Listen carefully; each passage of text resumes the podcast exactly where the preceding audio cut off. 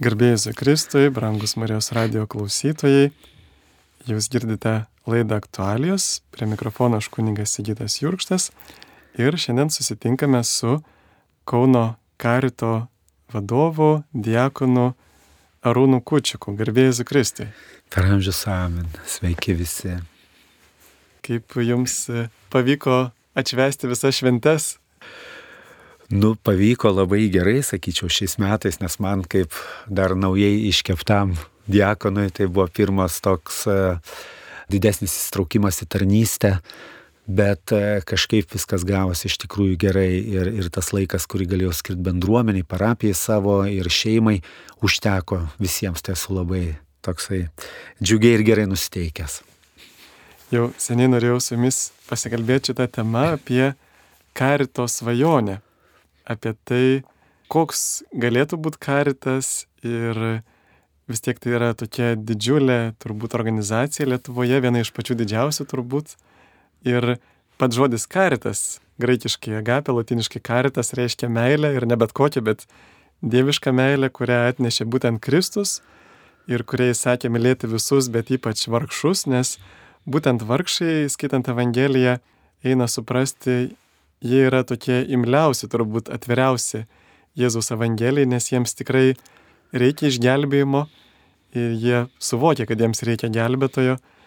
Ir kaip gal galėtumėt, na, apžvelgti, aišku, čia taip sunku abstrakčiai pamastyti, bet tiesiog apžvelgti, kaip bažnyčia per jos istoriją pavykdavo vykdyti šią Jėzus pavesta meilės vargšams tarnystė, jau lab, kad jūs ir esate kartu ir diakonas, ir čia turbūt susiję ir su diokonystės, irgi Taip. tokia samprata per, per tuos amžius bažnyčioje. Taip. Tikrai turbūt tas pagrindas mūsų, mūsų kaip ir tikinčiųjų ir yra Kristaus mokymas, Jėzaus gyvenimas, jo pavyzdys ir jo tiesiog negali nematyti, negali, negali išleisti iš akių, nes taip stipriai ir tiek daug yra pavyzdžių, mokymų, palyginimų, jautrinimo būtent dėl laikysenos, mūsų laikysenos vargstančių vargšų atžvilgių. Ir tas tikrai rodo, kad e, ir bažnyčia, ir pirmosios krikščionių bendruomenės būtent e, sprendė tą klausimą matyti šlovinimas, Dievo garbinimas, duonos laužimas ir vargstančių arba vargšų pagalba tiems, kuriems reikia matyt, dar pirmiausia ir bendruomenės nariams buvo, nu, tiesiog, kaip šiandien mes sakytume, integruotas visiškai susijęs dalykas.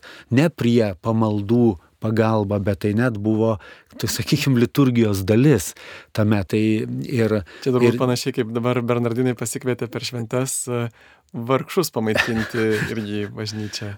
Tai va, būtent kažkas matyt prie tų šaknų e, su tuo siejasi ir, ir aišku, tada turbūt ir, ir žinom, sužinom apie, apie diakonus, tam tikrą prasme iš to konteksto, kad e, matosi, kad rūpestis buvo paštalų rūpestis bendruomenė ir, ir kadangi ne visi to lygiai buvo aprūpinami, ir, o, o Dievo, meilė, Dievo meilė skirta visiems ir tą reikėjo kažkaip tai parodyti ir tą reikėjo suorganizuoti ir buvo uždėtos rankos ant tų pirmųjų septynių vyrų, iš kurių vat, šventai Stepana gal jis toks jau turbūt garsiausias, žinomiausias atstovas tos grupės ir nuo, nuo, nuo kurio prasidėjo ta diekoniška tarnystė rūpestis rūpestis, rūpestis vargstančiais.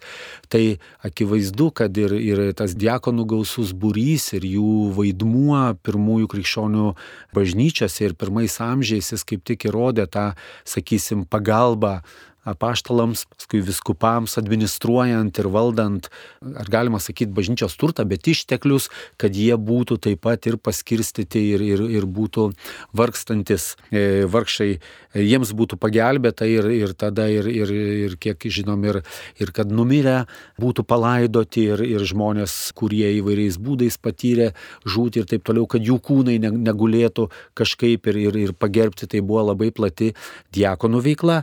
Vėliau, aišku. Ir labai įdomu irgi, kad va, tą diekonystę, tarnystę vargšams bažnyčia priima tiesiog į savo hierarchiją kad yra viskupai, kunigai ir diakonai, kurių pirmoji užduotis ir buvo rūpintis vargšiais. Taip, taip rūpintis vargšiais ir tikrai vat, tą, tą bažnyčios misiją įgyvendinti ir vyskupo, vyskupo atsakomybę, ypatingai tą tarnystės, tarnystės liniją. Taip, ir tas, tas rodo, rodo svarbą ir tą bažnyčios savimonę pirmųjų krikščionių. Bažnyčios, kuri paskui, aišku, ir tęsiasi. Vėliau jau turbūt irgi žinom tą vienuolyjų etapą ir, ir plačiai išvystas pagalbos vargstantiems įvairiais būdais veiklas. Žinom, kad jeigu bažnyčia kaip tokia, sakysim, ėmė tam tikrą prasme apleisti galbūt tą dėmesį vargstantiem, tai kilo judėjimai pačioj bažnyčioj, už, e, žinom, neturto judėjimai ir tokių netgi elgetavimo ir Evangelijos skelbimos tokių visiškų neturtų ir iš tų įvairių judėjimų, žinom, išaugo ir, ir Šventas Pranciškus, Pranciškonų judėjimas, vienuolyje ir pats Šventas Pranciškus buvo diakonas. E, vėliau buvo įvairių kitų iniciatyvų, turbūt mums čia yra svarbu irgi pažymėti šventą Vincentą Paulietį, kuris 16 amžiui Prancūzijoje organizavo labai daug pagalbos vargstantiem ir, ir vaikam, našlaičiam, našlėm ir yra laikomas net, sakykime taip, socialinio darbo tam tikrą prasme pradininku.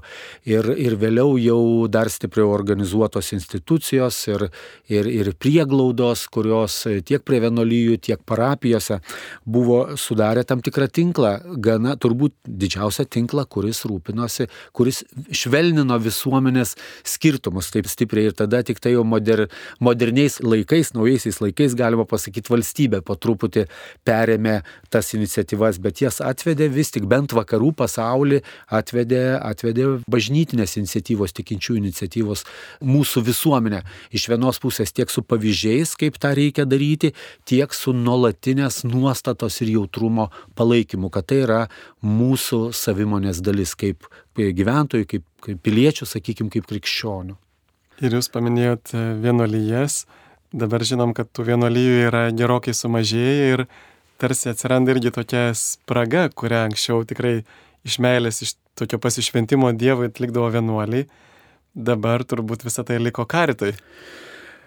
Taip, ir, ta, ir, ir kitoms dar, kitoms karitatyvinos organizacijom jo ir valstybei, bet tikrai mes pastebim, kad uh, ir čia ne kritika valstybei yra, tiesiog valstybė veikia kitokiu būdu. Valstybė, valstybė veikia su viešaisiais finansais, jie turi žiūrėti atsiskaitimo, kiekvienai išlaidai turi būti priimti sprendimai, tvarkos ir, ir tai, ką mes vadinam biurokratija.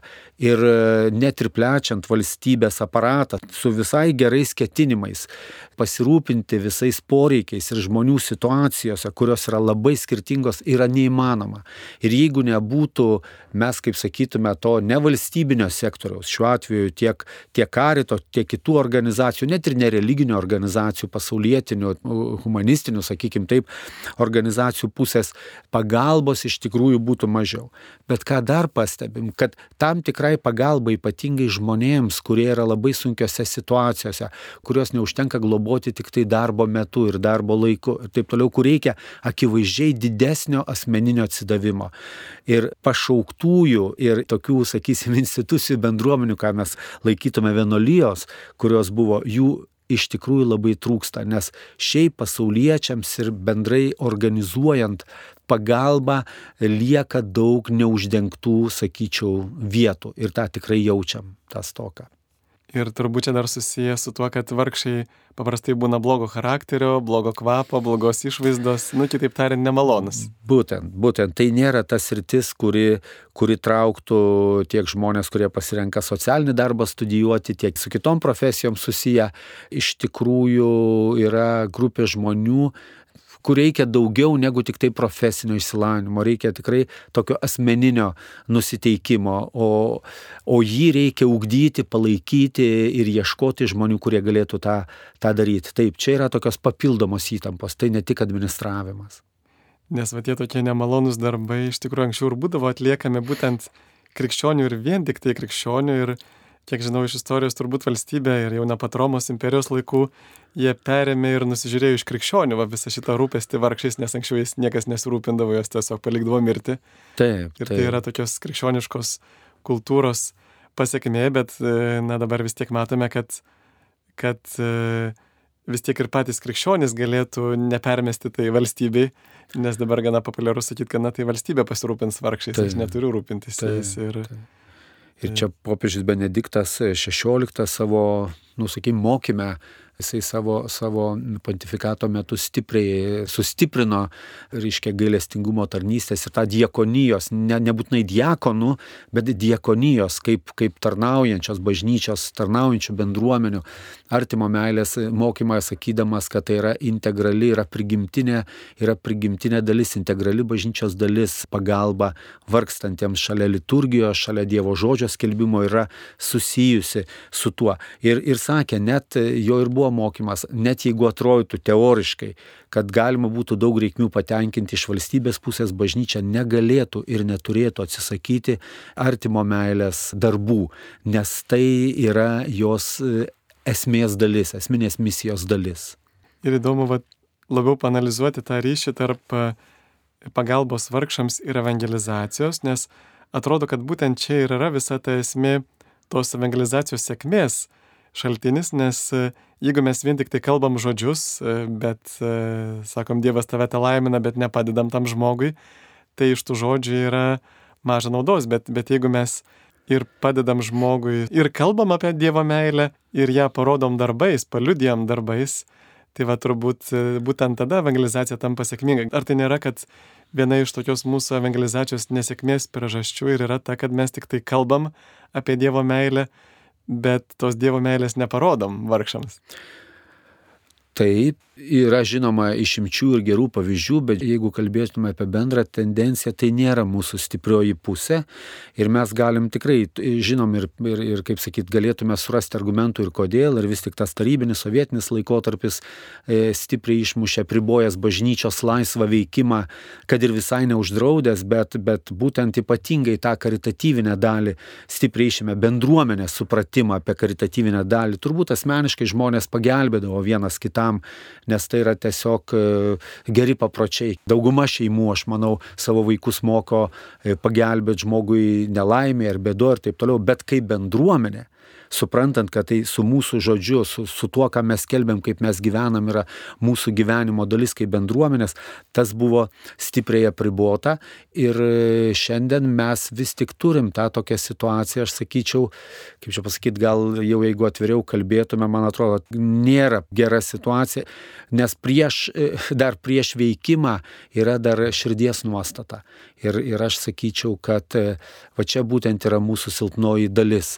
Mes labai automatiškai ir labai greitai kalbėdami apie žmonės kitokius, kurie gal netaip tvarkingai gyvena, kaip mes čia norėtume, yra kitokie, ten savo gyvenimus yra sugriovę ar, ar, ar ten dėl kitų priežasčių gyvenimai sugriuvo kad lyg tai pirmosios reakcijos net ir krikščionių, taip laisvai kalbant, ar kur nors giminių rate, ar prie stalo, iš karto yra tokios kaltinančios, tokios kritiškos, tokios atstumiančios.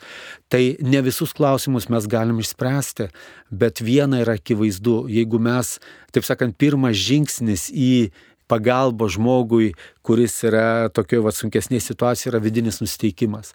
Ir jeigu čia mes nepersmelkėm Evangeliją, Evangelijos mokymų, aš sakyčiau, ta žinia nepasiekia tiek ne tik pasaulio, kurį mes norėtume pasiekti, aš sakyčiau, mums reikia nemažiau rūpintis, kad, kad ta žinia pasiektų, pasiektų mūsų bendruomenės, mūsų žmonės.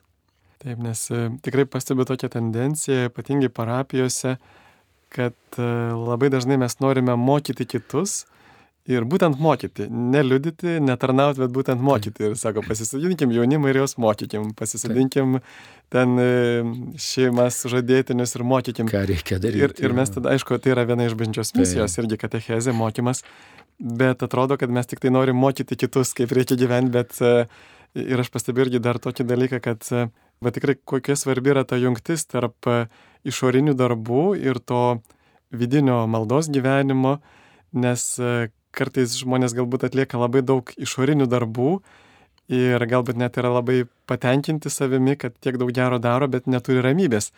Ir tada kartais pagalvoju, kad geriau tas žmogus galėtų atlikti mažiau darbų, bet turėtų daugiau ramybės, bent jau jos netimtų. Tai va, iš tikrųjų, turbūt, e, va tie mūsų, na, prioritetai ir, ir ta tokia pusiausvėra tame dvasinėme gyvenime, kad va turėtų būti iš pradžių tas ryšys su Dievu, paskui tas liudijimas, ką man Dievas padarė, tas liudijimas darbais ir tik paskui mokymas, pas mus kažkaip viskas taip pat atvirkščiai dažnai būna. Taip, ir, ir tas mūsų pastoracinis momentas, todėl, sakykime, ir yra silpnokas, kurį tikrai reiktų tobulinti. Kita dalyka, kurį aš matau ir pats, tikrai yra yra, yra problemos, sunkumai dabar tokie kompleksiniai, kaip mes sakom. Tiesiog žmogus ateina lyg su viena bėda, bet jeigu įsileidi į tą pokalbį, išklausai, pradedi suprasti, kas vyksta, supranti, kad ten yra, kaip sakyt, visas mazgas e, sudėtingų dalykų, kurių jau net savanoriškai ir net organizuotai, bendromeniškai netaip lengva yra išspręsti. Plus yra tikrai klausimų, kurie yra sunkiai sprendžiasi.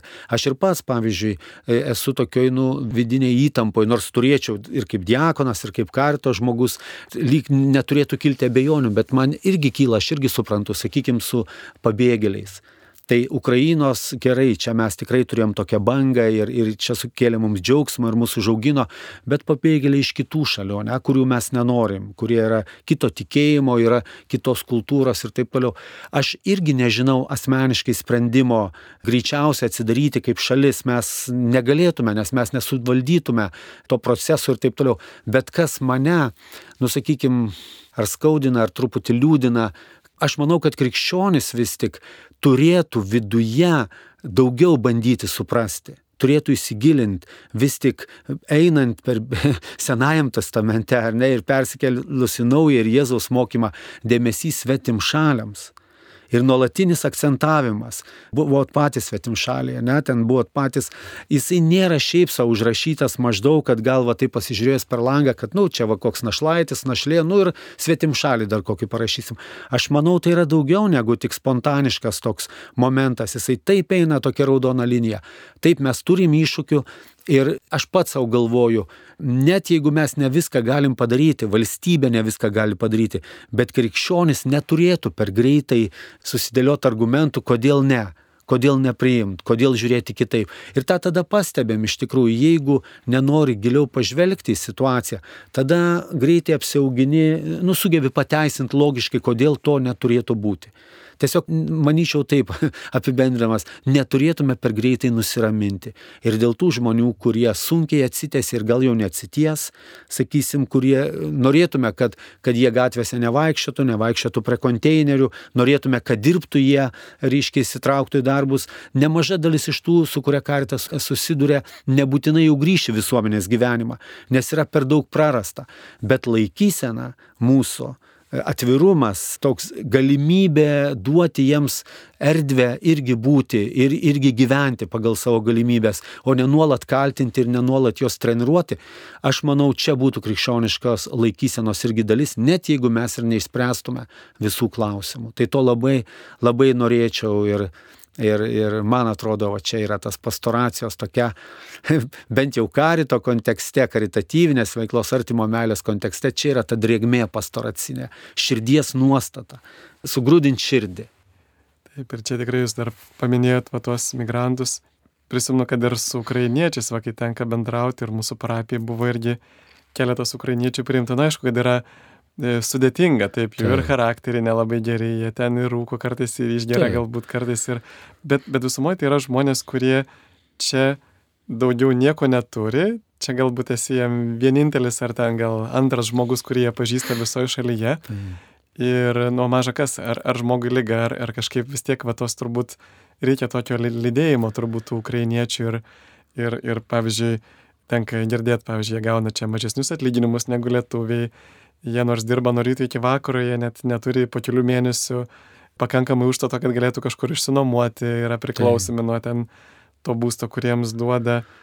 Ir kažkokių tai konfliktų galbūt turi ir tarpusavyje, jų tenais artimieji, pavyzdžiui, vat, viena moteris sako, va, vyras kovoja fronte, sako, kiekvieną dieną mato, surenka, reiškia, rankas, galvas ir, susprogdintų savo draugų ir sako, nu, jie yra, nu, jiem labai sunku irgi psichologiškai ten išbūti, o jie pradiškai gina ir mus, ne tik tai savo šalį. Tai tikrai va, to tokio turbūt tai. ištvermingo palaikymo turbūt irgi iš mūsų pusės galėtume turėti, na, net neužtenka turbūt vieną kartą padėti Būtent. tiems būtent. ukrainiečiam jiems įsileisti, bet va, turbūt reikia tokio nuolatinio ir žmogiško turbūt lydėjimo, nes turbūt, kai žmogus jaučiasi vienišas, na, svetimoje šalyje, kur tu nieko nepažįsti ir kur tu esi apleistas, tai tikrai turbūt yra labai sunku. Ir va toj vietoj, kaip sakot, būtent, nu sakykime, kuo yra sudėtingiau būti arba tokios va sudėtingos situacijos, tu staiga ir patiri, kad tu vienas esi labai ribotas. Net ir tokiai pagalbai. Ir, ir staiga supranti, kad jeigu mes norim truputį padėti daugiau, šalia to, ką asmeniškai galima padaryti, mums reikia bendruomenės, mes turim būti tinkle tam tikram. Ir vieni kitus paremti ir pasikeisti, kai reikia. Galbūt visų, vėl, visų klausimų neišspręsim iš tikrųjų, bet kaip ženklą, kaip sutvirtinimą savo liudymo, savo mokymo, savo žodžio skelbimo, sutvirtinimą veiksmais, mes tą, mes tą turėtume daryti. Ir čia bendruomeniškumas nėra ideologija, kad dabar reikia būtinai bendruomeniškai viską daryti. Ne, būtent, nes, nes po vieną mes esam per silpni, jau vien dėl to. Ir dar dėl to, kiek teko iš savo patirties matyti su vargšiais, kad didelė dalis jų yra apgavikai. Na tikrai didelė dalis apgaudinėjai ir, ir kada tu esi vienas, jie tave greit apgauna, bet kada tu esi su bendruomenė, su kitais žmonėmis ir gali pasitikrinti, ar jisai kalba tiesą. Galbūt jis ir iš tavęs paėmė ir iš kitų tą patį paėmė ir Taip. savo, kad neturi. Tai vad, ta bendruomenė irgi labai padeda, na, atskirti tuos pelus nuo grūdų, atpažinti tuos tikrus vargšus ir tuos, kurie naudojasi apgaudinėje. Tai čia jeigu vienas, tai būsi tikrai tave apgaus tie vargšai ir paskui nebenorėsi nieko gero daryti vargšam, nes Būtent. Tai- Nes mes tikrai nesam tie, kurie padeda ir, ir mūsų karito žmonės ir, kiti karitatyvinės veiklos, sakysim, iniciatyvų tikrai nėra, ir ypač kurie daugiau, ilgesnį laiką dirba, nėra naivus.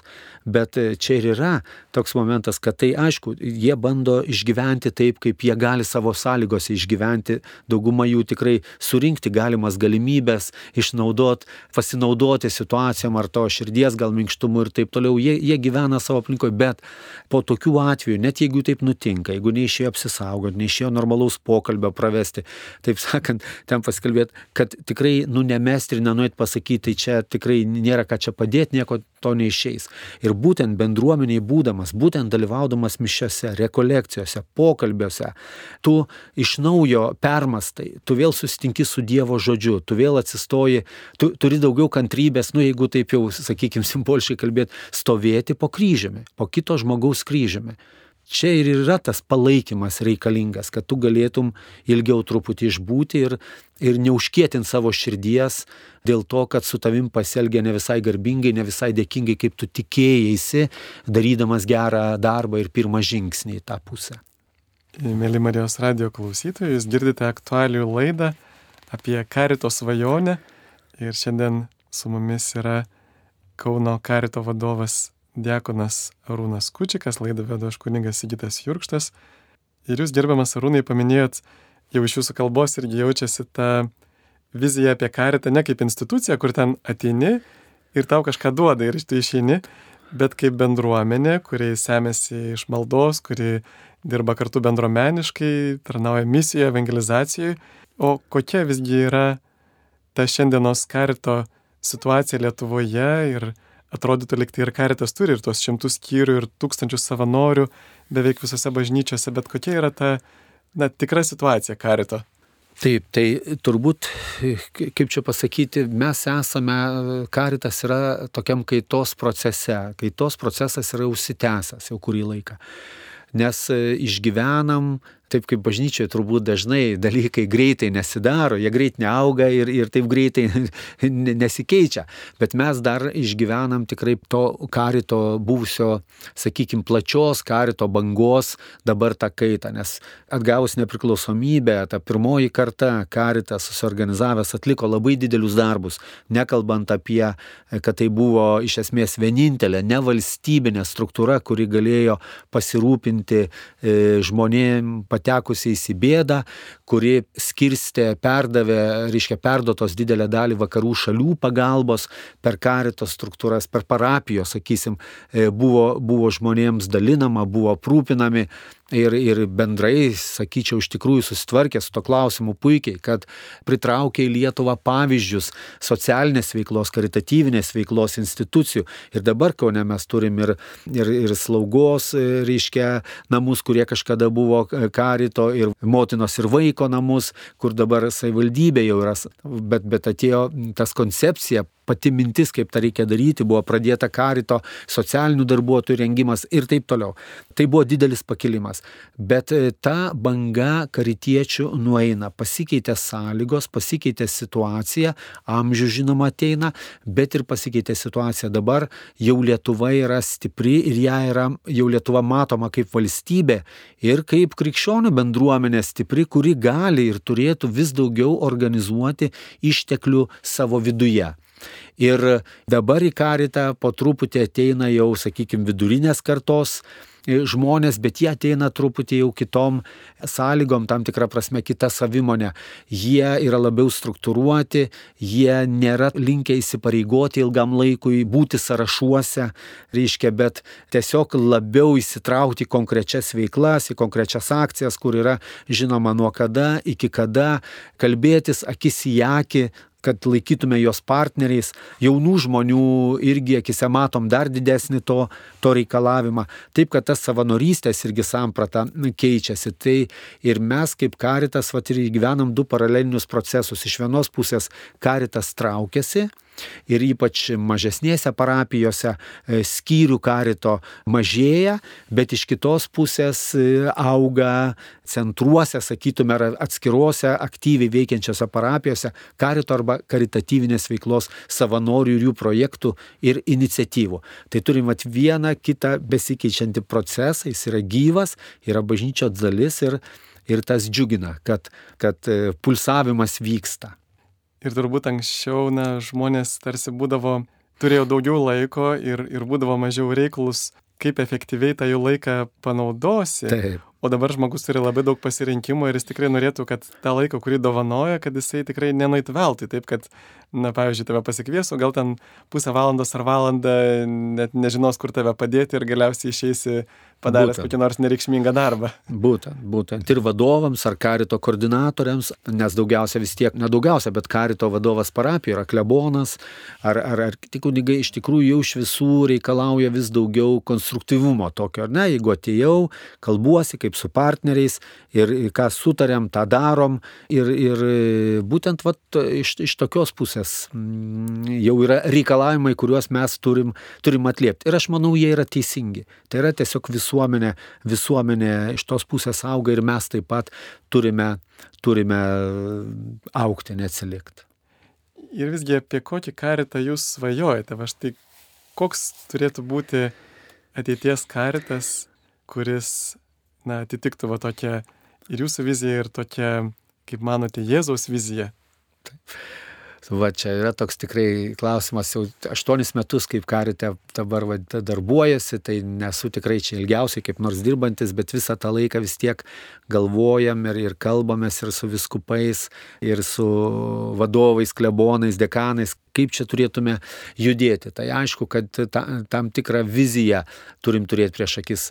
Tai mano ir mano kolegių, su kuriuom darbuojasi, turbūt, sakyčiau, vizija būtų tokia pirmiausia vis tik, ką mes vadinam karito tapatybės klausimas yra, kad, kad būtent bendruomenės bendruomenės būtų palankios erdvės žmonėms įsitraukti į karitatyvinės veiklas. Tai čia būtent ir priklauso nuo tos pastoracijos, nuo Dievo žodžio skelbimo, nuo, nuo jautrumo ir jautrinimo. Ne maža žmonių grupelė, vienas, du žmogus daro už visus viską, bet, bet tai, kas koordinuoja ir, ir, ir parapija vienokiu ar kitokiu būdu apie tai žino ir jai padeda įsitraukti. Aš sakyčiau, bendruomeninis karitas kaip viena iš mūsų ašių, ant kurios mes stovim karitas bendruomeniai.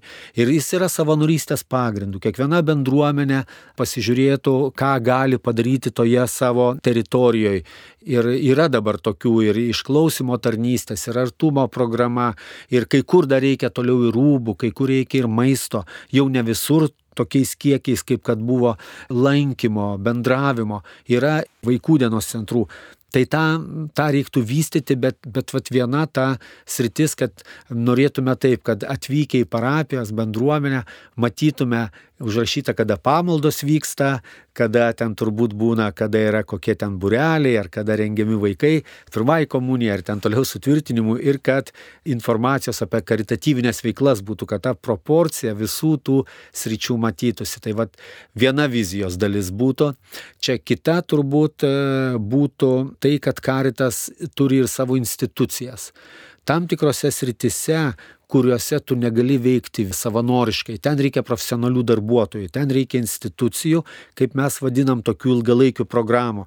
Pavyzdžiui, su priklausomybė sergančiai žmonėms, su benamystė išgyvenančiais žmonėmis, su įkalintais ir grįžtančiais, grįžusiais iš įkalinimo vietų ir e, su negale žmonėmis yra, yra dar kitose sritise ir čia tu negali vien savanorystę remtis. Tai čia karitas, mūsų vizijoje, mano vizijoje, neturėtų bandyti konkuruoti ir uždengti visą Lietuvą ir konkuruoti su kitom įvairiom organizacijom. Bet tose sritise, kur apsisprendžiam, tose sritise iš tikrųjų atlikti, sakyčiau taip, dirbti socialinį darbą su krikščioniška motivacija ir labai autentiškai. Tai reiškia būti vargstančiųjų balsu ir būti tokios, sakyčiau, ne biurokratinės, bet šiltos ir daugiau iš savęs reikalaujančios pagalbos balsų ir atstovais. Ir tam tikrą prasme, kada pavyksta, mes tą irgi matom, kada karito žmonės arba karito institucijų darbuotojai dalyvauja darbo grupėse, savivaldybėje ar ministerijose ar dar kitur ir tas tam tikras autentiškumas, neskubėjimas bėgti pagal pagrindinę liniją, taip iš karto, reiškia, sakyčiau, laikysena kalbos atžvilgių, kaip mes kalbam apie vargstančius, apie tuos, kuriems reikalingas pagalbos, išlaikant tai, kad jie yra asmenys, priminimas laiks nuo laiko, tai yra irgi mūsų misijos dalis tame valstybės pagalbos aparate. Tai va taip apibendrinant, aš ir, ir, ir manyčiau, kad, kad bendruomeninis karitas, galėtų veikti ypatingai stipresnėse parapijose, didesnėse parapijose, institucinis karitas tam tikrose sritise, kuriuose ir ypatingai, kur kiti nelabai nori eiti. Tai ten būtų mūsų užduotis, bet mes tam irgi dar neturim. Reikmės ir kur karitui dar reiktų aukti, aš sakyčiau, tai yra vis tik teisingumo klausimuose. Tai ta diekoniškos tarnystės dalis, jinai nėra stipri pas mus. Ta prasme, kad vis tik stipriau atstovauti silpnasias visuomenės grupės, kad jos būtų labiau pamatytos bendrame tinkle. Ir, ir tam kartais reikia konfrontuoti net su, sakykime, su valdžios institucijom. Ne dėl to, kad jos iš savęs yra blogos, bet dėl to, kad mes žiūrim kartais, turėtume žiūrėti iš kitos perspektyvos. Kaip popiežius sako, mokytis matyti pasaulį vargstančiųjų akimis, ne iš vidurinės klasės akimis. Nes yra tada truputį kita perspektyva, bet jeigu tu matai vargstančio, bandai matyti vargstančio akimis, tu kitaip matai gatvę, tu kitaip matai institucijas, tu kitaip matai, kaip veikia tarnybos, nes šiaip jau nesimato nemažai dalykų, mes nematom žmonės, kuriems einasi gerai, nepastebėm. Tai vad būtent tas žvilgsnis, tai čia karitų reiktų dar stiprėti ir aš to labai linkėčiau savo ir kitiems, kad mes į tą pusę judėtume. Man tikrai labai patiko tas jūsų pasakymas matyti pasaulį vargstančio akimis, nes tikrai žiūrint iš tokios na, tų normalių vidurinių, vidurinės klasės žmonių pozicijos atrodo, kad čia viskas gerai visiems ir liktai, liktai tų vargšų net ir nesimato. Ir, ir dar kita vertus, jeigu dar žvelgiant iš tos pusės, va, kad karitas turi skirtis nuo valstybės, pavyzdžiui, institucijų ir tikrai labai skiriasi, pavyzdžiui, kai nueini į motinos Teresės seserų valgyklą ir kai nueini į kokios nors savivaldybės vargšų valgyklą, yra didžiulis skirtumas ir skirtumas yra tame, kad, na štai ten su tais vargšiais nemaloniais žmonėmis yra elgiamasi nemaloniai, o mm. pas motinos Teresės seseris į tave, kad ir esi vargšas, tave priima su meilė ir su pagarba. Taip. Ir dar pastebėjau tokį dalyką, kad va toj socialiniai veiklo visą laiką yra tas pavojus nu, nukreipti tokį aktyvizmą ir kad, na, pradėti daryti, kad čia aš darau, o juk Jėzus sako, kas su manim nerenka tas barsto. Aš prisimenu iš mūsų kažkada mm. parapijai, Vilniaus Matulaičio parapijai buvo tokia labai gyva jaunimo bendruomenė, kuri susibūrė iš maldos. Buvo malda, choras, kartu gėdodavom ir tai būrė stiprią bendruomenę. ir to bendruomenė atsirado toks noras tarnauti. Paskui po kiek laiko tarsi tos tarnystės iniciatyvos, jos bandytos, na taip, kaip čia pasakyti, institucionalizuoti, nu kad va, tas tarnystės mes ir priimam kaip pareigas ir nebeliko tada jau to pagrindo kaip maldos ir bendruomenės, bet kad va, reikia padaryti tuos ir tuos ir tuos darbus. Ir tada visi pradėjo bėgti iš tos bendruomenės, nes pradėjo, na, jausti, kad čia apkrauna darbais. Taip. Nu, va tas, kad turi vis tiek tai kilti iš maldos grupės tam tikros, iš, iš tam tikro jų galbūt choro bendramžių. Ir, ir ta malda kūrė bendruomenė ir bendruomenė būtent, nu, va toje artimo meilės bendrystėje. Ir panašiai gal čia kaip ir šeimoje, ar ne, kai tu turi meilę šeimoje, tada gali dalintis tą meilę ir su kitais. Taip, taip. Būtent Ir man atrodo, mes bažnyčioje ir turim tą tokią šiaip jau labai palankę aplinką tam. Jeigu mes turim, taip ir sakom, jeigu parapijoje yra karito iniciatyva, yra karito projektas, yra karito grupelė, akcijų yra karito, tai net ir kitos e, bendruomenės grupės, kurios ar meldžiasi, ar e, kaip maldos grupelės, ar švento rašto grupė, ar ten, nežinau, choras, sakykime, ar dar kažkas, turi galimybę nebūtinai patys galvoti dabar prisimti atsakomybę, ką čia mes dabar darytume, tiesiog prisidėti net ir prie vaikų dienos centro tam tikro veiklos, ar, ar kažką tai padarant vienkartinio, ar vasarai pagelbėjant, ar talką, suorganizuojant tai, kas tavo parapijoje jau veikia nuolat. Tu turi galimybę prisidėti ir iš tikrųjų tikrųjų, o, o išlaikyti savo centrą, dėl ko tu esi kaip grupelėse susibūrus. Tai mes tikrai tokius mainus arba tą tokią cirkuliaciją pastoracinių veiklų, tokio kraujo turėtume, turėtume užtikrinti geriau matyti. Nebūtinai visi turi tapti karitu arba visi turi tapti e, maldos grupe, kaip tokia, sakysim, jau ta tokia kečiau susiorganizavusią. Bet malda ir gailestingumo tarnystė, matyt, vis tik yra, nu, turėtų būti reikalinga visiems mums krikščionis kažkaip tai prisidėti. Taip, kad e, negalim sakyti, kad na, man nereikia maldos, tegul kiti meldžiasi ir negalim taip pat sakyti, kad man nereikia tarnauti vargšams, tegul kiti tarnauja vargšams. Nes... O va štai dar turbūt paskutinis, bet ir taip. vienas iš svarbiausių klausimų apie jaunimą. Kaip yra su jaunimu karite ir, ir kas galėtų patraukti jaunimą savanoriauti karito organizacijai?